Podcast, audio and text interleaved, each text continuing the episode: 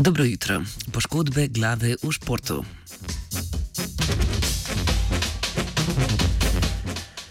Ameriški raziskovalci in raziskovalke so dodali nov kamenček v mozaik študij, ki nekatere športe povezujejo s poškodbami glave.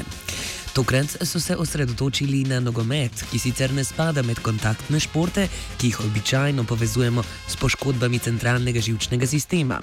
Se je pa v zadnjih letih nabralo veliko dokazov, ki kažejo, da so za možgane nevarni tudi, bl nevarni tudi blagi udarci, če do njih prihaja pogosto.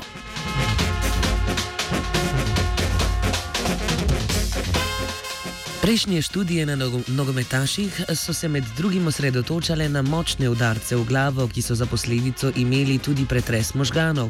Sem spadajo udarci v glavo s komovcem ali kolenom ter udarci glave v tla, okvir vrat ali nasprotnega igralca vendar so pri nogometu veliko pogostejši bolj blagi udarci, do katerih prihaja pri strelu z glavo.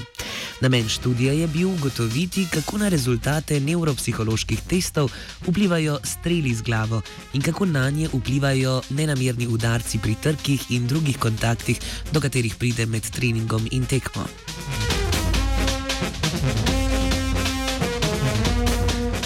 V študiji je sodelovalo 308 amaterskih igralcev nogometa iz New Yorka in okolice.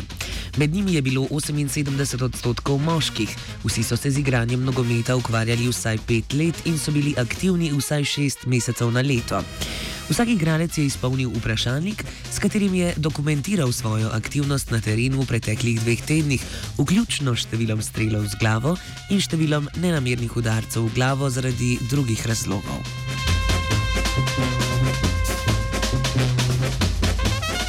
Poleg vprašalnika o nogometni aktivnosti so igralci rešili tudi nevropsihološki test, na podlagi katerega je bila podana ocena mentalnega funkcioniranja vsakega igralca.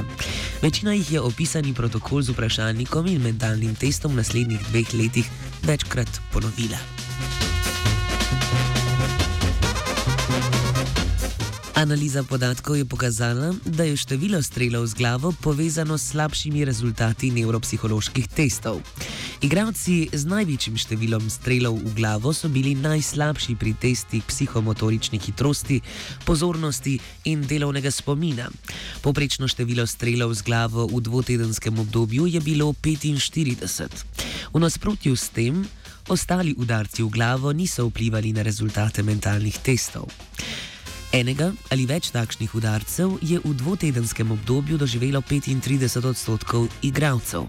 V večini primerov je šlo za udarec v glavo s komovcem ali kolenom.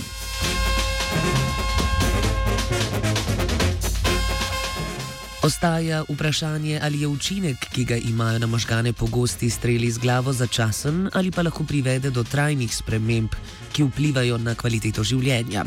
Avtori, ki bodo z raziskovanjem tematike nadaljevali, svetujejo, da se več pozornosti pri preprečevanju poškodb glave nameni tudi blagim udarcem, ki ne povzročijo nujno takojšnjih kliničnih simptomov.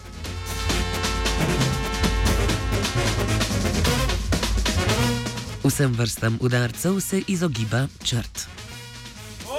Snežnika do tri glava, od študenta boli glava. Joj!